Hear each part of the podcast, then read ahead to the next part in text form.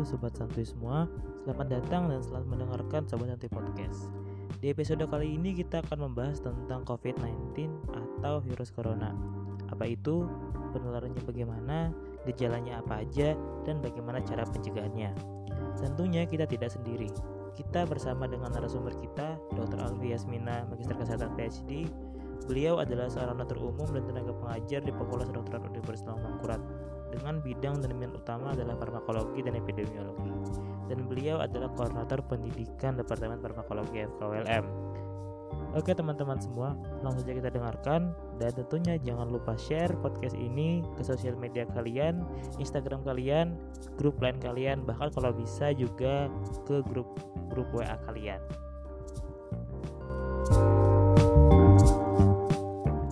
Selamat malam dokter, sudah bergabung. Selamat malam. Mm-hmm. Uh, jadi dok pada podcast kali ini mo mohon maaf jadi tidak ada audiensnya, jadi kita cuma berdua aja. Oke, okay. saya lanjut mulai ya dok. Jadi uh, untuk susunannya pertama kita diskusi, baru nanti kemudian kita akan membahas hoax dan fakta dari COVID-19 ini, serta nanti ada uh, sesi games. Nah nanti sesi gamesnya akan saya jelaskan uh, di akhir. Oke. Okay. Oke. Okay. Jadi teman teman-teman semua, jadi kenapa kami mengangkat tema ini? Karena uh, sekarang ini uh, wabah virus corona ini sangat lumayan apa ya? Lumayan meresahkan. Banyak sekali uh, keresahan-keresahan yang ditimbulkan, bahkan juga bisa memicu panikan dan lain-lain. Nah, dari kampus pun akhirnya mengeluarkan surat edaran untuk meliburkan dan ini terhitung sudah hampir dua minggu ya dok. Betul. Oke dok, langsung saja dok saya nanya. Nah menurut dokter uh, virus corona dan COVID-19 itu apa dok? Uh, virus ini penyebarannya lewat apa dan kenapa penyebarannya semasif ini? Oke, okay, uh, kita mulai dengan pertanyaan pertama tadi ya virus corona. Tinggi dok. Um, sebenarnya ini um, kita sudah pernah dengar uh, nama virus ini sebelumnya saya rasa karena uh, beberapa tahun yang lalu uh, kita bertemu dengan MERS. Ini juga penyebabnya corona. Ini Middle East Respiratory Syndrome. Dulu merebak ya di Timur Tengah dengan angka kematian cukup tinggi. Terus sebelumnya lagi mungkin kamu bahkan belum lahir tahun 2002-an itu SARS ya. Jadi uh, severe acute respiratory syndrome juga angka kematiannya cukup tinggi ya. Nah, sekarang dia muncul lagi uh, juga dari uh, grup yang sama ya keluarga yang sama coronavirus ke coronavirus. Coronavirus ini penyebab dari yang sering uh, disebut-sebut sebagai yang sekarang rame penyakitnya COVID-19 ya. COVID-19 sebenarnya hanya singkatan dari nama penyakitnya. Corona uh, virus disease 2019 karena dia pertama kali muncul tahun 2019. Hmm. Uh, dan nama ini sebenarnya uh, tadinya namanya mungkin mungkin bukan itu ya tapi oleh WHO terus dibikin official namanya pada bulan Februari lalu. Nah um, dia ini sebenarnya uh, zoonotik aslinya ya artinya dia adalah penyakit yang ditemukan oleh kuman atau virus dalam hal ini uh, yang meloncat ceritanya dari hewan ke manusia. Jadi dia sebenarnya uh, bisa menginfeksi burung dan mamalia terus mengakibatkan infeksi saluran napas sama saluran cerna. Nah, yang uh, saat ini kita uh, sedang takuti uh, COVID-19 ini terutama saluran nafas, walaupun dia bisa juga menimbulkan gambaran di saluran cerna. Um, yang bikin kita takut adalah bahwa gambarannya itu sangat bervariasi, ya kan? Mulai tidak ada gejala sama sekali, jadi orang bisa jalan-jalan ke sana kemari cerah ceria sehat nampaknya, tapi sebenarnya dia uh, membawa atau carrier istilahnya membawa virus ini di tubuhnya dan dengan mudahnya pada masa dia masih tanpa gejala ini dia sudah bisa menularkan ke orang lain. Yang kedua dia juga bisa karena gambaran kayak flu biasa uh, batuk pilek, demam ringan. Kita menyangka oh ini mungkin saja hanya flu biasa gitu ya padahal sebenarnya bisa saja dia menderita COVID-19. Atau yang lebih jelas adalah kalau dia sesak napas sesak napas, gambarannya seperti penyakit ISPA atau infeksi saluran napas akut yang berat kayak pneumonia berat, apalagi sampai sesak napas sehingga butuh alat untuk membantu dia bernapas, kita sebut sebagai ARDS ya. Um, uh, sorry ada telepon masuk ARDS acute respiratory distress uh, syndrome bahkan bisa sampai kumannya nanti masuk ke pembuluh darah kita sebut sepsis kemudian bisa menyebabkan kematian juga. Nah, yang paling sering itu justru yang tidak ada gejala ini. Sementara yang uh, cukup sering kita temui, yang kita bisa lihat itu yang gejala ringan, yang gejala berat sendiri uh, tidak terlalu banyak ya. Banyak masih, tetapi tidak terlalu banyak. Cuma memang yang sedikit ini menyebabkan kematian, jadi cukup menakutkan. Uh, terus dia nyebar lewat apa? Tadi disebut dia zoonotik ya. Berarti dia ini melompat dari hewan ke manusia. Dari yang kita hmm. tahu uh, uh, yang sudah diteliti ternyata uh, reservoir hostnya adalah kelelawar. Apa sih reservoir host? Reservoir host itu tempat dari kuman tinggal yang tidak selalu kuman itu menginfeksi atau menyebabkan penyakit pada si inang ini. Nah, kebetulan inangnya ini adalah kelelawar kok bisa kelelawar ini sampai ke manusia karena kita tahu uh, kasus pertama akhir Desember ya di Wuhan, Cina. Kita nggak tahu apakah dia langsung, apakah dia disebarkan uh, melalui sebuah induk perantara lain atau inang perantara lain ke manusia kita itu yang belum tahu.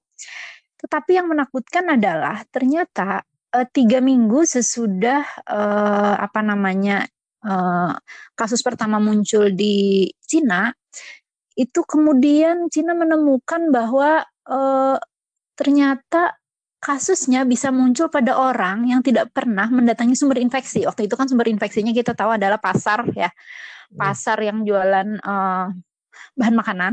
Uh, nama ini seafood market ceritanya.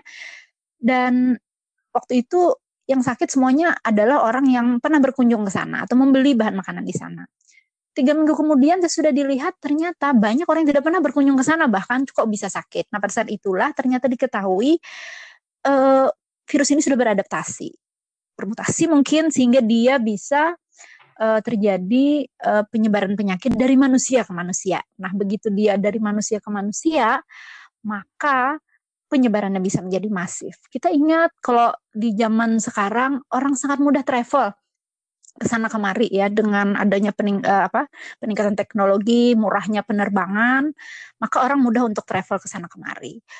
Ini memudahkan transmisi human to human atau manusia ke manusia. Yang kedua, kasusnya banyak asimptomatik atau tanpa gejala. Karena dia tanpa gejala dan kita kontak kebiasaan kalau uh, mungkin untuk orang-orang tertentu misalnya kayak di, kasusnya seperti di Itali misalnya mereka kontak sangat dekat suka cium pipi kanan kiri misalnya kalau di Belanda cium pipi kanan kiri kanan gitu ya tiga kali maka uh, kecenderungan untuk menular antar manusia itu juga lebih besar apalagi orang yang tidak ada gejala yang ketiga uh, kita tahu bahwa penularannya itu adalah melewati droplet apa itu droplet. Pada saat kita ngomong, pada saat kita bicara, tanpa kita sadari kita mungkin mengeluarkan loncatan-loncatan kecil uh, saliva atau air liur. Pada saat kita batuk, kita pada saat batuk bisa ada droplet berjatuhan ke seliling kita. Kalau ada orang dekat dengan kita dalam jarak kurang dari satu meter, maka orang itu akan terkena. Nah, transmisi terbesarnya itu adalah melewati respiratory droplet atau droplet yang keluar dari pernapasan, entah itu sekret uh, ingus, entah itu dahak, entah itu liur. Yang kedua adalah yang membuat uh, cara pencegahannya nanti adalah salah satu hal yang paling sering di uh, apa disampaikan oleh uh, semua yaitu cuci tangan itu adalah karena transmisi yang kedua atau penyebaran yang kedua yang cukup banyak adalah melalui permukaan-permukaan benda di mana uh, droplet tadi bisa jatuh.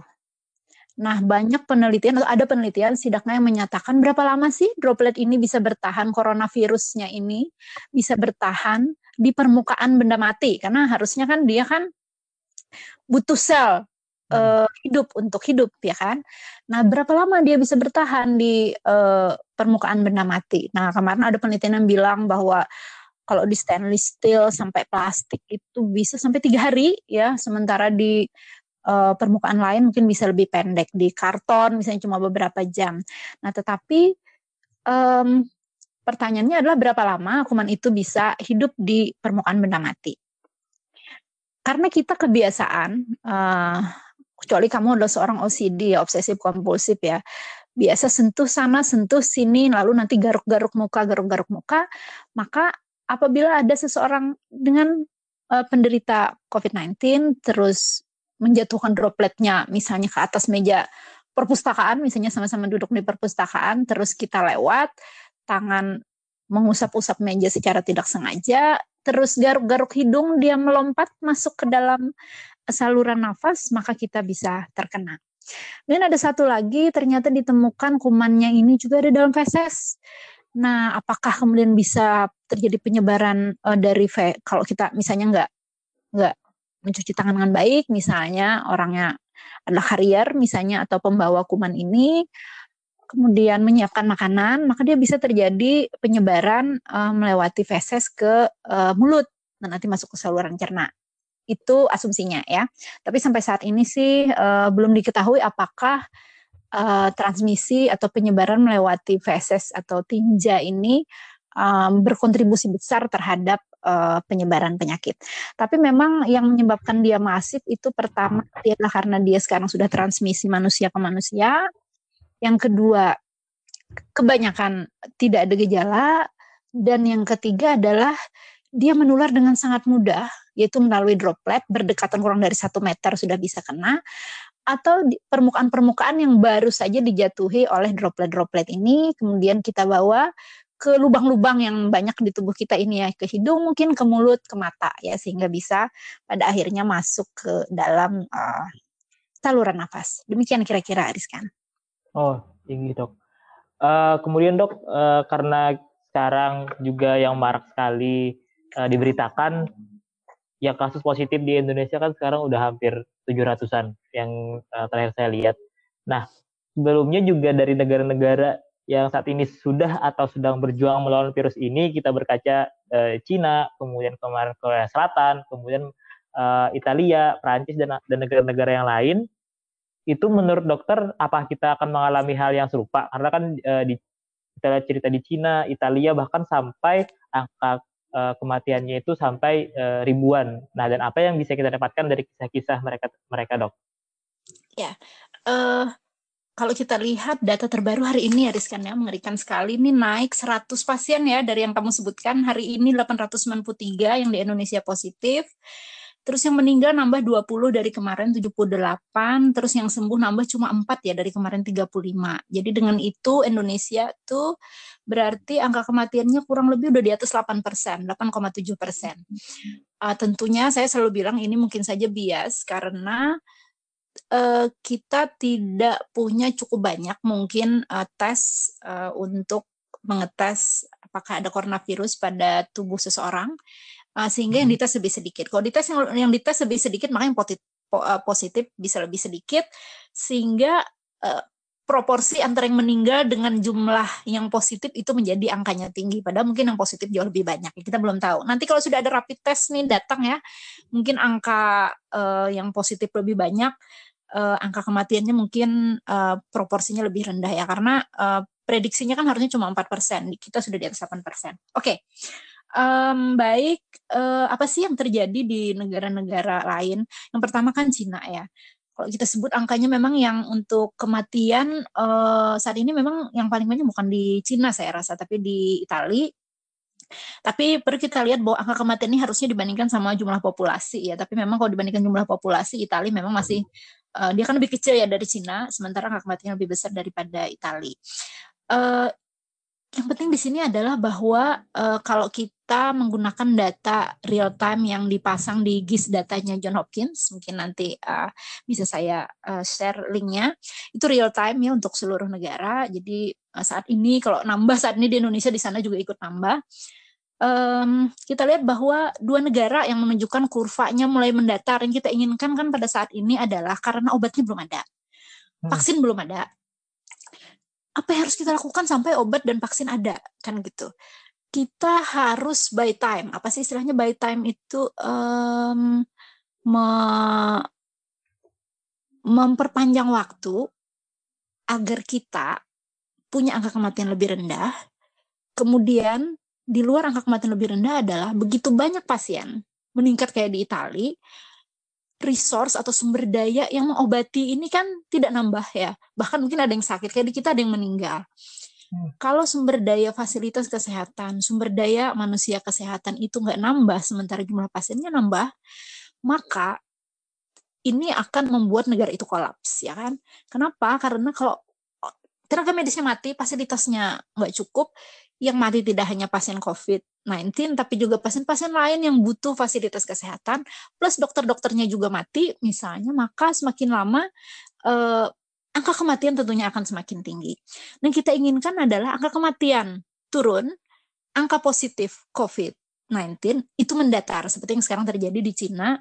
Cina bahkan turun ya, dan di Ita eh, dan di Korea Selatan sekarang. Korea Selatan kita tahu um, beberapa waktu lalu dia termasuk salah satu negara yang kita larang uh, untuk masuk ke tempat kita karena angkanya yang begitu tinggi cepat sekali ya dia uh, eksponensial angkanya um, apa yang mereka lakukan uh, kok Cina bisa sekarang uh, kasus barunya itu cuma satu ya dia itu bulan Desember pertengahan pertama kasus, dia mulai melakukan lockdown itu satu bulan sesudah itu, jadi sekitar akhir Januari.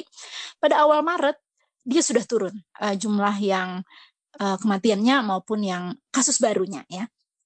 Apa yang dia lakukan? Nah kita tahu apa yang dia lakukan ya. Jadi ada banyak langkah yang bisa dilakukan sebenarnya oleh pemerintah uh, yang dia lakukan pertama edukasi tentunya uh, apa sih gimana sih caranya untuk mencegah terjadinya infeksi baru. Yang kedua yang dia lakukan adalah deteksi dan isolasi. Apa yang maksud dengan deteksi dan isolasi? Tes tes uh, eh, COVID-19 sebanyak mungkin bisa. Yang dapat kasusnya positif diisolasi. Kemudian desinfeksi seluruh tempat-tempat uh, umum. Kemudian yang kita lihat juga di TV ya dia membangun rumah sakit tuh kayak uh, loro jonggrang gitu ya. Rumah sakitnya bisa jadi dalam waktu cepat ya. Tapi kita bicara tentang Cina yang punya resource sangat banyak uh, sumber daya uh, sumber daya manusia sumber daya uang sumber daya uh, bahan baku ya. Dan dia bisa bikin sendiri segalanya. Nah tapi yang paling kita ingat itu kemarin adalah apa yang membuat angkanya bisa turun sangat besar itu adalah lockdown kotanya ya. Jadi Wuhan City-nya sendiri di lockdown, kemudian 15 kota di sekitarnya juga lockdown besoknya.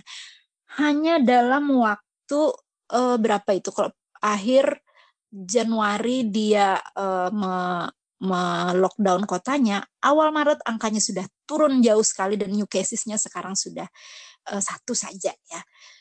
Jadi apa yang dia lakukan? Uh, pertama dia tadi kan deteksi, artinya secepat mungkin mendapatkan orang yang tidak bergejala tapi positif. Orang ini langsung diisolasi sehingga tidak bisa menyebarkannya ke orang lain. Perlu kita ketahui dalam uh, penyakit virus ini ada istilahnya reproduction number. Jadi satu orang yang sakit itu menyebarkan ke berapa orang kalau COVID itu diduga COVID-19 diduga uh, reproduksi numbernya 2 sampai 4. Jadi kalau kamu terkena COVID-19 maka kamu akan menginfeksi 2 sampai 4 orang, anggaplah 4 orang. 4 orang ini akan menginfeksi 4 orang lagi. Terus eksponensial dengan cepat ya. Dengan isolasi kasus-kasus yang tanpa gejala tinggal di rumah atau masuk rumah sakit kalau dia berat, maka dia tidak ketemu dengan orang baru akibatnya nanti reproduction number-nya itu turun di bawah satu. Yang kita inginkan adalah menurunkan reproduction number ini di bawah satu. Artinya dia tidak ketemu orang sama sekali. Kalau bisa nol yang kita ingat, tapi kan nggak mungkin nol ya. Itu pasti ketemu dengan tenaga kesehatan misalnya ya. Nah, dengan menurunkan itu, maka nanti kasus positif barunya itu pasti akan turun.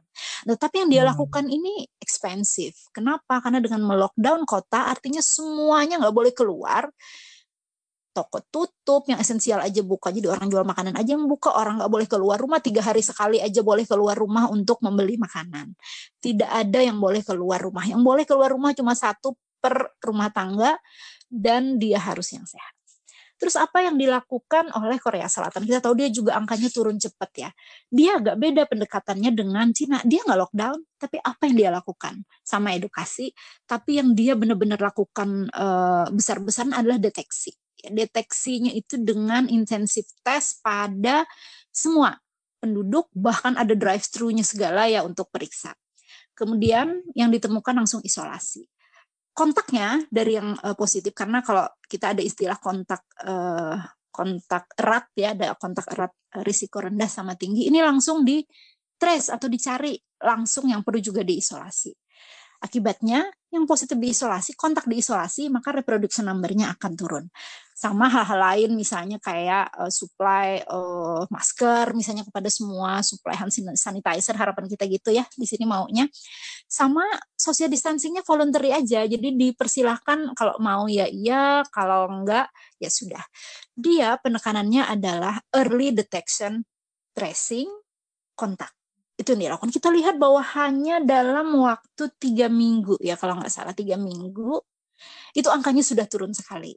Jadi sekarang uh, new casesnya mendatar. Artinya penambahannya hari per hari itu tidak uh, proporsinya sama setiap hari ya. Kemudian kita lihat Singapura, negara tetangga nih.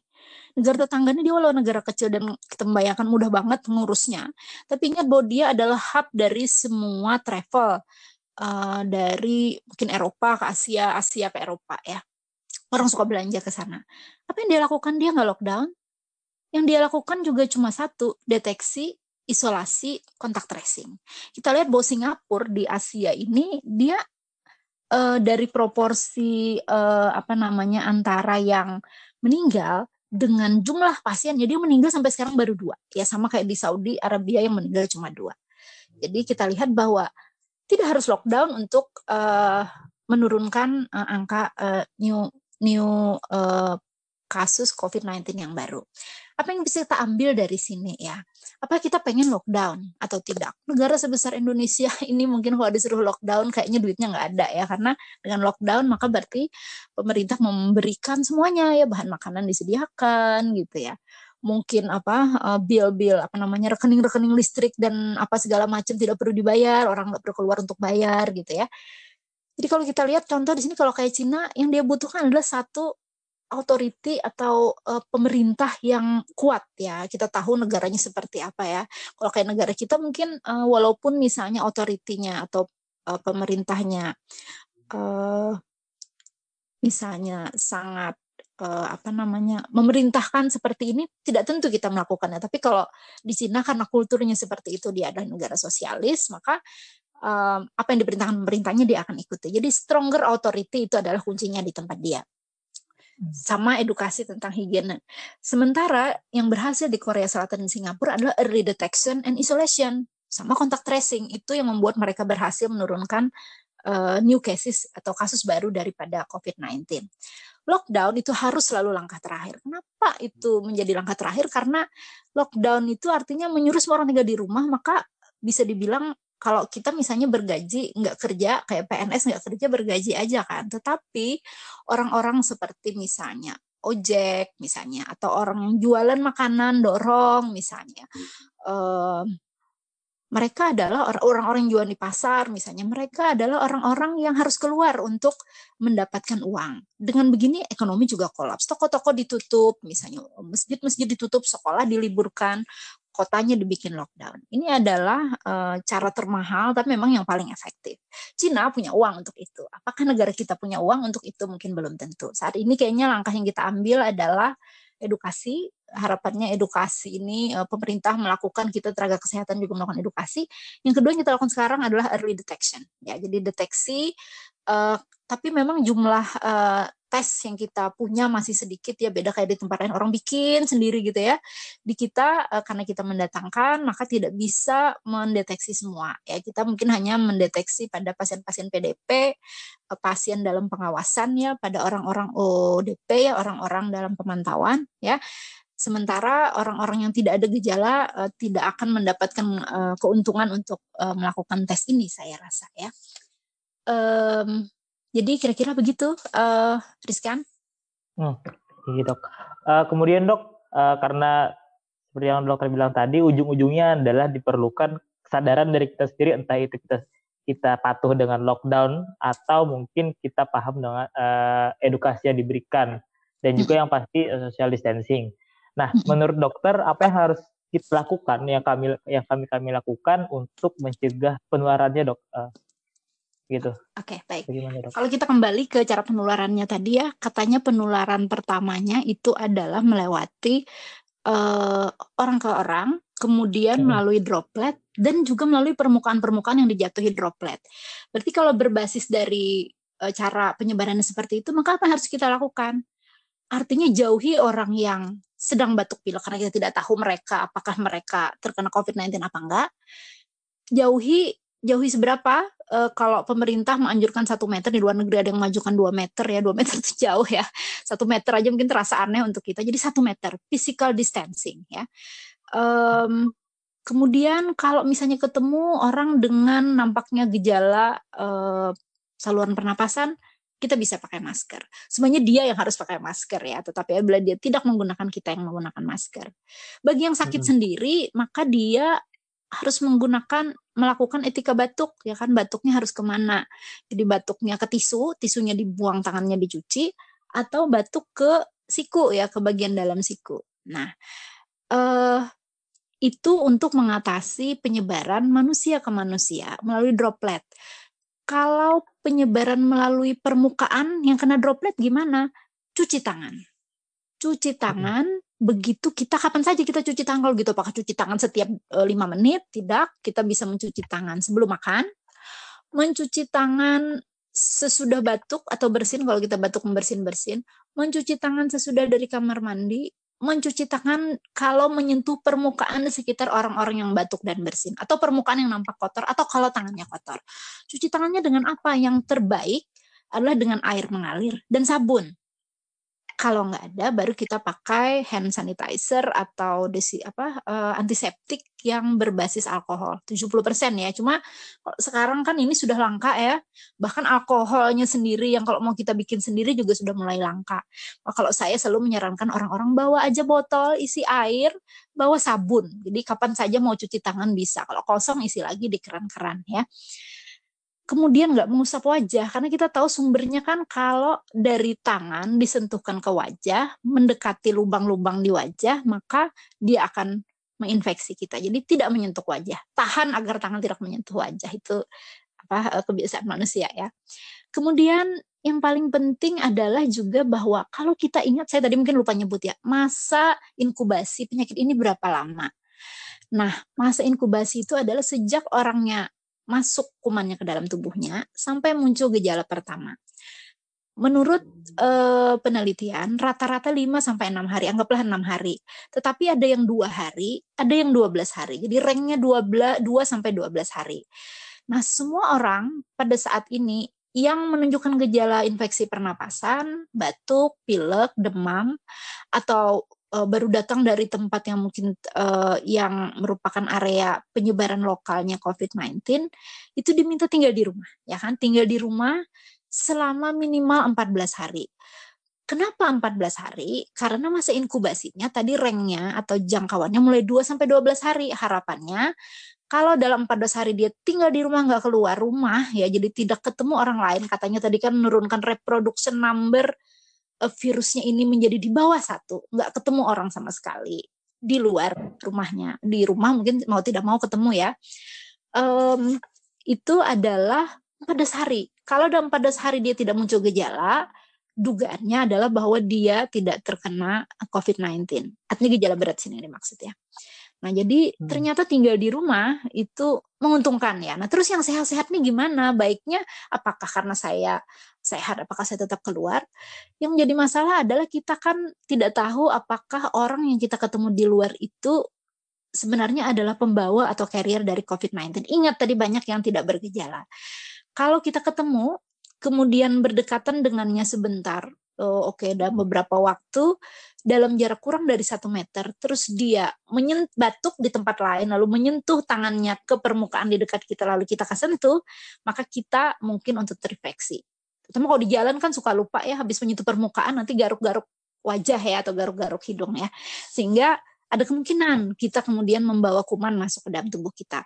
Stay uh, at home saat ini adalah solusi yang paling baik karena pemerintah saat ini uh, menganjurkan demikian kita tahu bahwa angka COVID-19 positifnya terus bertambah. Kemudian kayak di Kalsel ini ODP-nya naik terus ya. Jadi orang dalam uh, pemantauannya naik terus hari ini aja. Mana tadi ya angka di tempat saya itu angkanya sudah naik menjadi uh, 890 ya. Uh, itu udah naik 60 dari hari kemarin mungkin karena banyak yang pulang kampung ya dari uh, ada yang dari Jogja saya dengar kemarin dan katanya bulan depan ini para pesantren-pesantren di Jawa orang-orang akan dipulangkan, akan semakin banyak uh, orang-orang dalam pemantauan di uh, Kalsel ya. Untungnya baru satu yang positif. Nah, jadi uh, itu kemudian apalagi yang harus kita lakukan untuk pencegahan berdasarkan uh, cara uh, cara penyebarannya tadi ya. Um, travel restriction ya. Jadi jangan pergi ke mana-mana. Maksud saya selain tidak keluar rumah, kalau kalau misalnya uh, diundang kawinan di kota lain misalnya gitu ya. Nah kita coba untuk tidak mendatangi dulu ya. Tapi saya dengar sekarang kawinan juga di ban ya untuk sementara ya acara acara uh, perkumpulan massal lebih dari 10 orang itu di uh, disarankan untuk tidak dilakukan. Jadi gitu, uh, tinggal di rumah, uh, cuci tangan sesering mungkin, tidak menyentuh wajah, kemudian pakai masker kalau ketemu orang dengan infeksi saluran nafas, etika batuk, desinfeksi atau bersihkan permukaan-permukaan yang uh, di rumah yang sering disentuh-sentuh orang orang datang misalnya nyentuh pegangan pintu itu juga kita bersihkan ya. Dengan kalau tadi tangan dengan antiseptik namanya kalau uh, benda mati kita menggunakan desinfektan namanya. Uh, saran yang paling mudah karena sekarang alkohol nggak ada dan alkohol mungkin merusak uh, permukaan uh, permukaan-permukaan dan bahkan bisa nyala ya itu mudah terbakar kita bisa menggunakan uh, natrium hipoklorit mungkin kalau yang dikenal mereknya Baiklin ya kita bisa membuatnya hmm. satu bagian ditambah satu bagian Baiklin tambah 99 bagian uh, air. Nanti dia akan menjadi natrium hipoklorit 0,05% bisa untuk membersihkan permukaan-permukaan di rumah. Gitu, Rizkan? Sekarang dok, kalau semisal, semisal aja sih, saya juga mau. Kalau semisal saya atau keluarga saya demam atau atau batuk atau pilek atau sakit tenggorokan, apa yang harus saya lakukan? Uh, tergantung ya. Jadi kalau misalnya nih, uh, kalau sekarang kan ada berbagai istilahnya algoritma ya atau jalur diagnosis uh, untuk mengetahui orang ini sebenarnya masuk grup yang mana ya. Jadi kalau misalnya batuk, pilek, uh, batuk atau pilek, tapi tidak ada sesak, ya. Kemudian misalnya datang dari area yang terjangkit, misalnya baru datang dari Jakarta, kita menyebutnya sebagai ODP ya, tadi orang dalam pemantauan. Mereka ini ngapain? Mereka disuruh apa? Lapor ya, orang dalam pemantauan harus lapor karena ini nanti akan dihitung ya, dimasukkan hitungannya sampai ke nasional. Uh, enggak sampai nasional sampai provinsi aja ya kalau orang dalam pemantauan dan nanti mereka ini akan dipantau tiap hari uh, idealnya mereka diambil sampel swab namanya. Jadi usapan tenggorok itu diambil atau belakang hidung ya.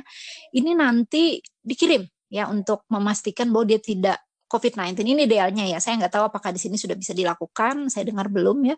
Jadi harusnya diperiksa pada hari pertama, hari kedua. Kalau ternyata dia positif, maka dia berpindah menjadi uh, konfirmasi uh, pasien COVID-19.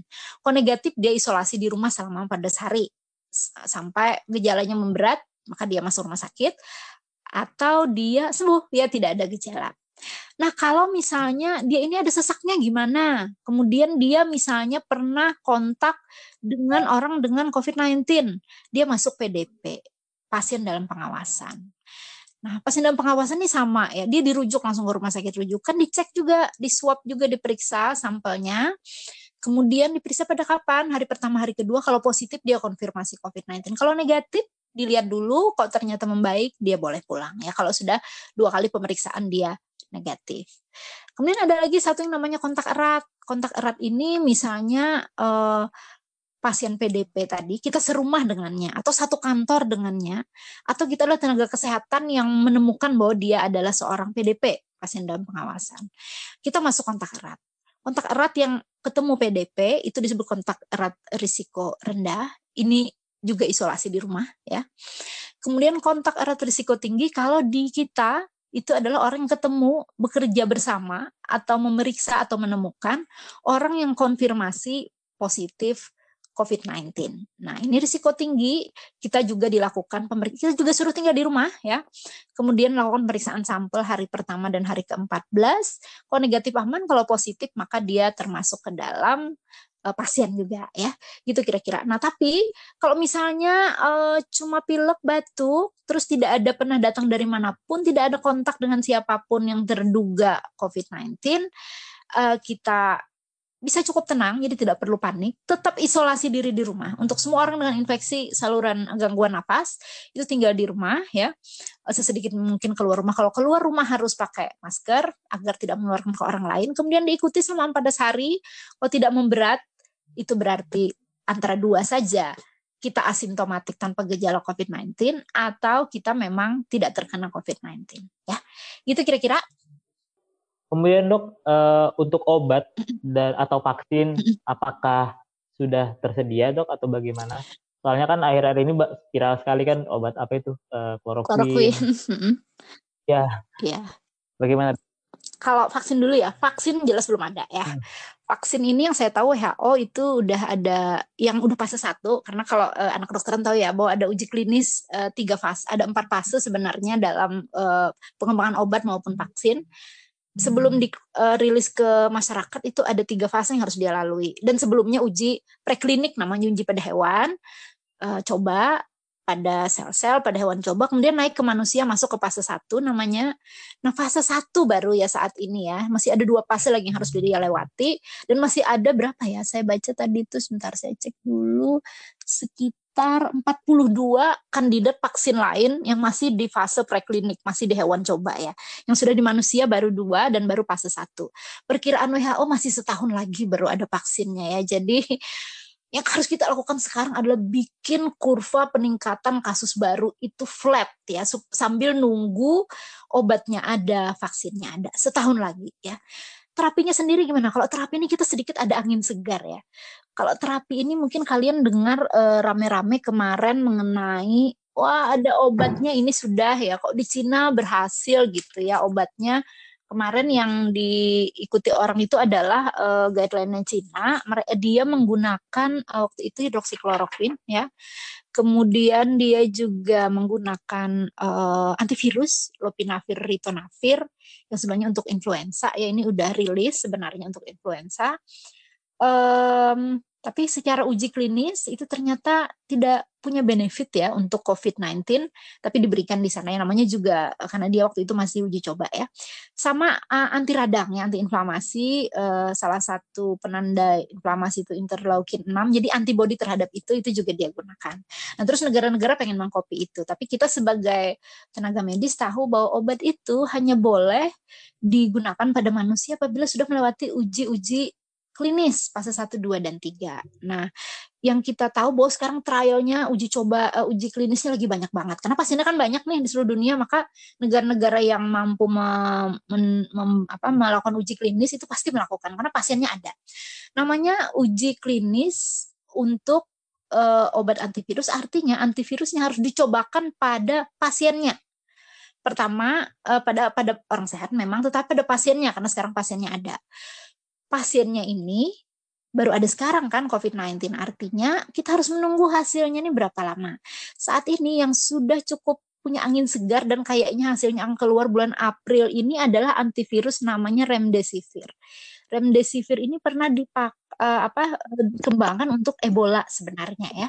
Nah ini terus uh, ini istilahnya kalau di dunia farmakologi itu obat itu di repurposing ya, repurposing. Jadi obat itu tadinya bukan untuk itu, lalu digunakan untuk yang lain karena dibutuhkan. Kalau bikin obat dari nol itu butuh mungkin sekitar 5-7 tahun baru dapat ya. Nah, kita sekarang mencari obat yang udah dirilis, keluar, udah disetujui, artinya aman, tapi indikasinya berbeda atau tujuannya berbeda.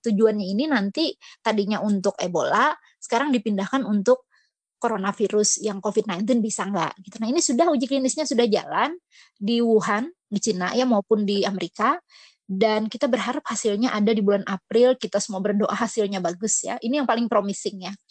Uh, banyak lagi uh, apa uh, oh juga ada studi-studi untuk kloroquine ya sama hidroksikloroquine mungkin rame ya karena semua sudah tahu ini obat uh, malaria ini lebih dari 10 studi ya saat ini berjalan uh, kita lihat nanti apakah berhasil dia uh, safety-nya juga cukup uh, kalau di malaria kan dia sudah resisten, kemudian um, dia juga punya banyak efek samping. Jadi masih kita lihat hasilnya. Kita belum berani ngomong apakah ini efektif atau tidak. Banyak lagi obat ya yang di, di lagi diuji antivirus, tapi yang menarik adalah orang-orang pasti berpikir nih, kalau memang ini virus dan antivirusnya susah, kenapa nggak menggunakan menggunakan antibodinya aja? Antibodinya harusnya mudah dibikin ya karena virusnya udah dapet, kemudian orang yang sembuh sudah ada, ya kan? Maka mestinya bisa diketahui nih antibodinya apa. Bisa nggak kita berikan antibodi aja? Nah ini juga masih dalam studi. Yang sekarang lagi studi dan nampaknya promising mungkin ya, itu adalah kalau orang berpikir orang ini sembuh, artinya darahnya ini mengandung antibodinya mestinya bisa nggak antibodi orang-orang yang sembuh ini dimasukkan ke dalam orang yang sakit? Nah itu sekarang uh, rame karena sudah pernah dilakukan untuk dulu uh, apa SARS ya tahun 2003 terus MERS juga pernah dilakukan. Ini min dulu tahun 2010 waktu infeksi H H1N1 eh, 2009-2010 kalau nggak salah itu juga pernah ini dilakukan. Tapi memang tidak selalu berhasil ya. Yang ini karena banyak sekarang udah pasien sembuh uh, kemudian cukup banyak pasien yang setuju untuk diambil. Uh, antibodinya diambil uh, apa uh, seraknya serumnya itu diambil kemudian diberikan kepada pasien yang sakit. Pasien yang sakit yang diberikan ini tapi uh, saat ini baru yang uh, berat ya. Uh, di beberapa di Wuhan nampaknya tidak terlalu bagus, tapi itu mungkin akan dicobakan pada orang yang severe atau sudah berat. Apakah bisa diberikan pada orang yang lebih ringan penyakitnya ini belum tahu. Jadi saat ini FDA di Amerika ini adalah badan obat uh, badan regulasi obatnya di Amerika ini sudah mengizinkan semua orang yang pengen uh, dokter yang mau memberikan ini kepada pasiennya silahkan ikut ke dalam uji klinis yang sedang uh, berjalan untuk memberikan serum yang pada pasien yang sudah sembuh gitu. Itu kira-kira masih hmm. jauh untuk vaksin tapi obat harapan kita bulan depan uh, mudah-mudahan ada angin segar ya. Terkait info yang paling update tentang perkembangan jumlah COVID-19 di Indonesia, kira-kira di mana saya bisa mendapatkan infonya, dok? Uh, kalau saya itu kita masih pakai, uh, saya selalu menyarankan uh, tenaga kesehatan itu ya untuk mengecek uh, situs yang paling meyakinkan ya, situs paling meyakinkan saat ini tentunya Kemkes ya situsnya Kemenkes itu dia menyediakan uh, dua ya situs bagian dari dia itu yang infeksi emerging.kemkes.go.id itu yang Indonesia itu sangat update ya. Uh, kalau yang uh, apa provinsi itu juga ada di covid19.go.id atau covid19.kemkes.go.id kalau mau yang seduniaan kita lihat uh, sampai tren kenaikannya itu yang paling bagus memang punyanya John Hopkins. Tadi saya nyebut ini kita tinggal klik sebelah kiri itu nama negaranya, nanti dia akan menunjukkan berapa kasus konfirmasinya, berapa yang mati, berapa yang sembuh sama tren kenaikannya dan tren kenaikan per harinya itu semuanya ada dan itu real time ya. Uh, real time artinya saat ini di Indonesia saat ini dilaporkan naik maka di sana juga naik karena kita sistem pelaporannya adalah setiap kali selalu dilaporkan ke WHO ya. Jadi nama situsnya uh, susah dibaca tetapi tinggal di Google aja dengan nama COVID-19 Global Cases Johns Hopkins. Itu nanti dapat data GIS ya uh, lengkap untuk seluruh dunia, seluruh negara yang melaporkan ini ke WHO. Gitu. Oke, mungkin itu aja dok. Uh, lanjut kita ke hoax atau fakta. Okay. Nah, di sini uh, kami sudah mencarikan beberapa berita, entah itu dari grup WA, entah itu juga dari internet. Nah, eh, kita bedah di sini apakah itu hoax atau fakta. Gitu, dok. Okay. Pertama, uh, berita pertama, bawang putih dapat menyembuhkan virus corona. Itu bagaimana dok? Ini rame nih. Saya baru di apa kirimi pesan teman saya kemarin dok ini penelitian udah banyak gitu ya bisa nggak sih ini saya anjurkan kepada orang-orang untuk mencegah corona bahkan mengobati gitu uh, eh, COVID-19 gitu. Uh, kembali kita ke uh, bagaimana sih sebuah obat itu bisa diberikan ke manusia ya kan dia harus sudah pernah diuji pada manusia. Yang kedua harus pernah diuji pada manusia untuk tujuan menyembuhkan atau mencegah penyakit itu. Artinya harus diuji cobakan. Kalau mau mencegah dicobakan pada orang sehat yang terpapar virus corona yang saat ini beredar yaitu SARS-CoV-2 ya yang penyebab COVID-19. Kalau nggak pernah, maka kita tidak tahu apakah ini punya uh, efektivitas atau tidak. Yang kedua, aman nggak sih kita makan? Misalnya kok dalam jumlah kita misalnya dalam penelitian di lab mengatakan bahwa dia bisa membunuh virus setara misalnya coronavirus yang lain misalnya ya dengan jumlah dosis segini. Tapi apakah kalau dosis segitu dikonversi ke dosis manusia nanti aman? Jangan-jangan malah dia matinya karena bawang putihnya, bukan berarti bawang putih uh, tidak ber, uh, berbahaya ya. Bawang putih ini sudah banyak dikatakan sebagai antioksidan, kemudian bisa menurunkan uh, tekanan darah, kemudian ada yang bilang bisa menurunkan uh, apa lipid dan sebagainya. Tapi itu uh, bukan bawang putihnya, tapi zat aktif di dalamnya. Nah, tapi kalau kita sekarang terus, apakah kita kalau makan bawang putih ini bisa mencegah ataupun uh, mengobati itu belum tahu. Karena kalau belum pernah ada penelitiannya kita nggak tahu jawabannya. Seorang dokter hanya boleh merekomendasikan obat kalau terbukti melalui uji klinis pada manusia efektivitasnya dan keamanannya. Ya, boleh aja makan, tapi makan untuk tujuan uh, masak memasak ya, tidak untuk corona. ya. Oke dok. Uh, untuk yang kedua, virus corona dapat dideteksi dengan mudah. Bagaimana itu dok? Soalnya di di uh, di grup WA keluarga saya itu menyebutkan dia tuh cuma tinggal menahan napas selama 30 detik kemudian dilihat misalnya uh, kita sesak berarti itu artinya paru kita katanya ada fibrosis di sana dan kemudian itu karena akibat dari virus ini. Bagaimana oh iya tuh seru. Uh, jangankan di grup keluarga ya, di grup akademisi aja itu beredar dan orang percaya ya. Uh, bahwa bisa menahan nafas gitu ya. Rasanya kalau nggak salah menahan nafas sekian detik gitu ya kok, iya dok, 30 kok ternyata terus uh, terengah-engah gitu ya, itu berarti uh, Anda terkena COVID-19 gitu ya. Ya masalahnya menahan nafasnya sangat tergantung pada kapasitas paru orangnya ya. Kalau orang kapasitas parunya udah buruk, menahan nafas baru beberapa detik itu sudah terengah-engah ya belum tentu dia kena COVID-19 ya. Uh, itu hanya menunjukkan bahwa uh, dia uh, kekurangan oksigen lalu dia menjadi terengah-engah. Tidak harus selalu COVID-19. Ingat bahwa COVID-19 itu bisa tidak ada gejala. Jadi kamu mau menahan napas 20 detik pun kalau udah terbiasa ya, itu tahan ya walaupun dia karier atau pembawa COVID-19. Tapi kalau udah eh, berat sesak nafas maka itu kamu nggak butuh tes itu lagi ya kan untuk uh, mengetahui dia COVID-19. Jadi uh, bukan sesuatu yang akurat, itu hanya menunjukkan bahwa kalau kita menahan napas segitu lalu kita nggak tahan itu hanya menunjukkan bahwa kita mungkin punya kapasitas paru yang tidak cukup untuk uh, apa untuk jumlah oksigen yang tersedia di paru pada saat itu. Oke. Sekarang uh, selanjutnya yang ketiga dok, uh, penyebaran virus ini melalui udara. Nah, bagaimana itu? Itu yang uh, orang takuti ya, yang katanya airborne gitu. Ya. Istilahnya sebenarnya dia diterjemahkan yeah. dari airborne. Apakah dia ini mungkin melayang-layang di udara, terus kita jalan-jalan di luar, lalu kita terkena gitu. Dia memang airborne sebentar ya pada saat dia mm, terlompat melalui droplet, tapi sudah lalu jatuh ke permukaan. Jadi tidak, dia tidak melayang-layang di udara tidak perlu takut. Misalnya uh, kita keluar rumah lalu tadi sekitar sejam yang lalu seorang COVID-19 lewat batuk lalu kita lewat ya sejam kemudian itu ada di udara gitu ya terutama kalau musim hujan kan suka gitu ya kalau nggak panas maka dia akan banyak katanya kan gitu.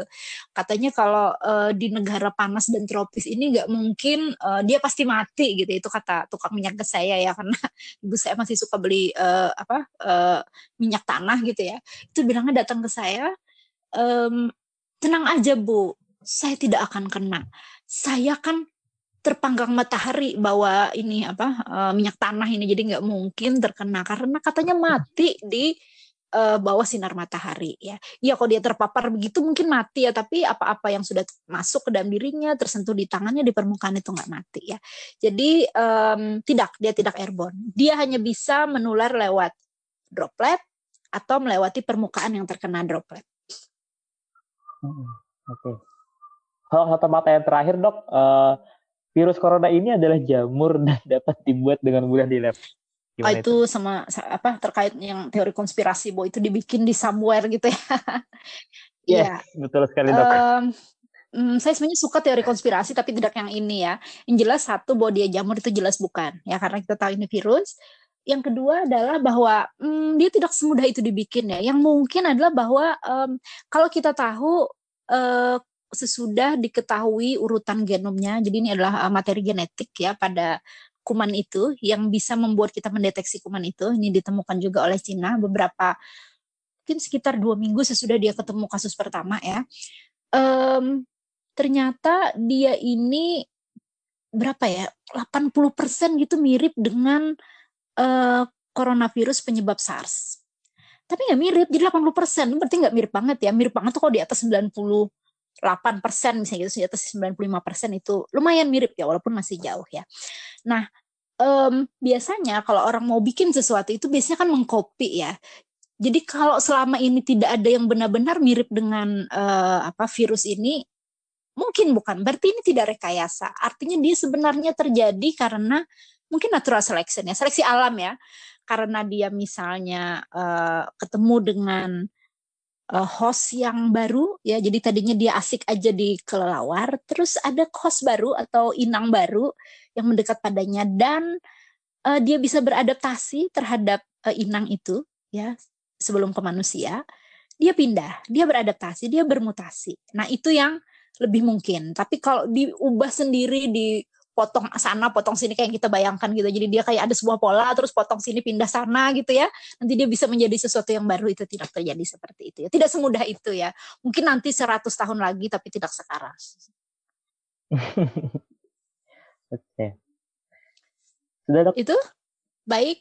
Oke terima kasih. Kita lanjut ke sesi selanjutnya dok. Ini game session. Jadi kita santai-santai aja. Mm -hmm. untuk game sessionnya itu namanya jawab cepat. Jadi nanti saya akan ngasih dua pilihan, mm-hmm. dokter jawab dengan cepat. Oh, okay. ya, dok. Wah, saya jadi tegang. Eh, dokter okay, udah siap. dokter udah siap? Oke, okay.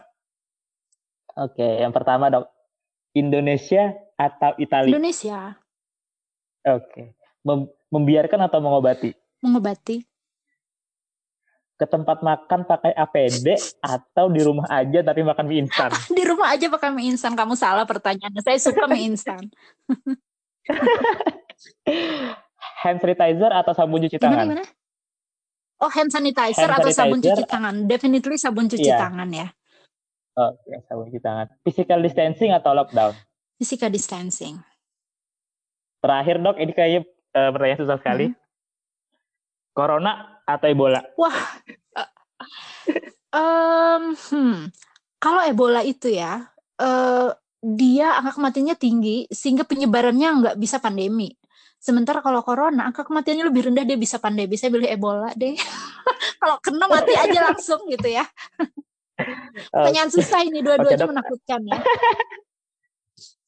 Oke, okay, uh, eh, terima kasih dokter atas uh, apa yang disampaikan tadi. Eh, mohon maaf juga saya sebagai host apabila ada kesalahan dalam penyampaian dan sekali lagi terima kasih. Terima kasih sudah mau menjadi narasumber di podcast kali ini.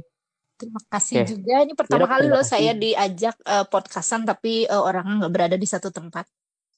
Iya soalnya soalnya memang uh, surat edarannya menyuruh kita tidak bisa bertemu ya dok. Setuju, setuju. Gitu. Ini memang uh, sesuai dengan apa yang kita katakan. Ini yang namanya walk the talk ya. Suruh physical distancing kita oh. sendiri physical distancing.